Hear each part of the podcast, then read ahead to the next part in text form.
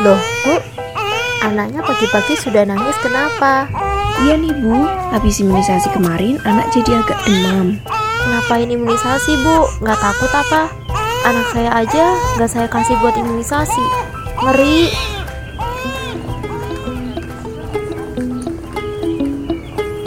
Ibu-ibu, imunisasi penting untuk menunjang tumbuh kembang si anak kecil loh.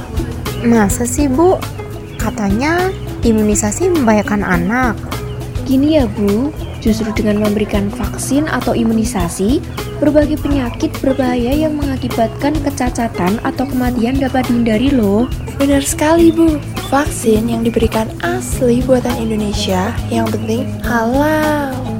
Oh, begitu ya, Bu. Ya udah deh, Bu. Habis ini saya bakal ajak anak saya buat pergi ke posyandu.